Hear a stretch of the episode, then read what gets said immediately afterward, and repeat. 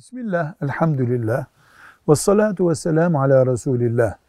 Zikir yaparken en iyi ses düzeyi insanın kendi duyacağı kadar ki sestir. Sessiz bir yerde gece yarısı evinde otururken kendi duyacağın sesin en ideal sestir. Kalabalık bir yerde, gürültülü bir yerde kendini duyacağın kadar olan ses ideal sestir. Bundan ötesi eğer birisine ders vermek, toplu okunan yerde okumak gibi değilse insanı riyaya, şöhret sıkıntısına sürükleyebilir.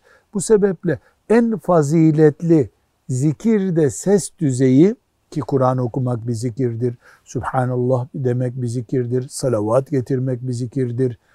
Yani zikir olarak bildiğimiz şeylerde en iyi ses kişinin kendi duyacağı kadar olan sestir.